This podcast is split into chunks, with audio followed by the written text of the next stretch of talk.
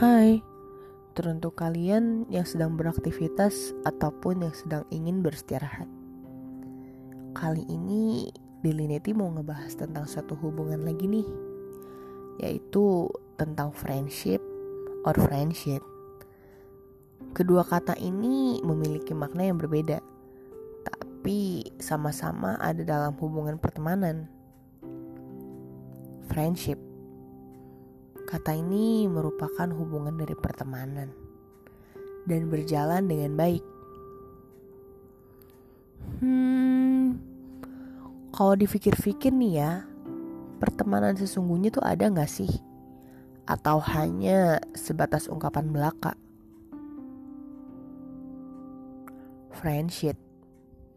Mungkin ungkapan ini hubungan pertemanan yang berhubungan kurang baik katakanlah menjalin hubungan pertemanan yang palsu.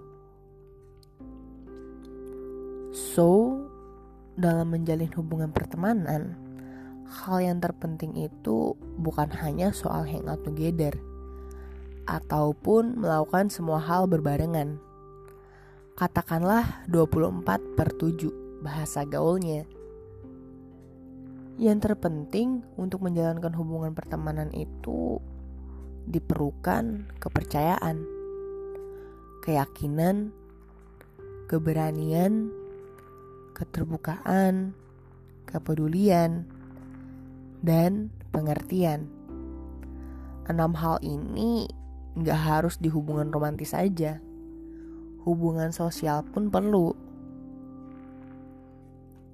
Dan yang jelas, pertemanan itu bukan ajang menyalahkan bukan ajang menyudutkan, dan bukan ajang menjelekkan antara satu sama lain.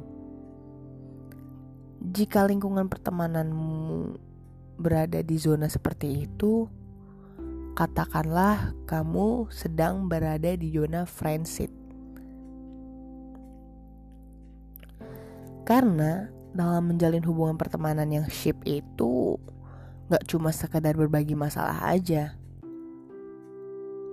dalam lingkungan pertemanan, kamu bisa tumbuh dan berkembang bersama-sama. Dan yang perlu diingat, pertemanan itu bukan hanya sekedar mengerti, melainkan dimengerti. Pertemanan bukan hanya sekedar menjaga suatu hubungan dengan baik, melainkan menjaga ucapan dan juga menjaga tindakan. Pertemanan bukan hanya kebersamaan setiap saat. Dan ketika menjalani suatu hubungan dengan orang lain, katakanlah dalam berteman, lo bisa menjadi diri lo sendiri tanpa ada kata-kata palsu. So, kayaknya cukup dari Daily kali ini. Have a great day. Salam hangat.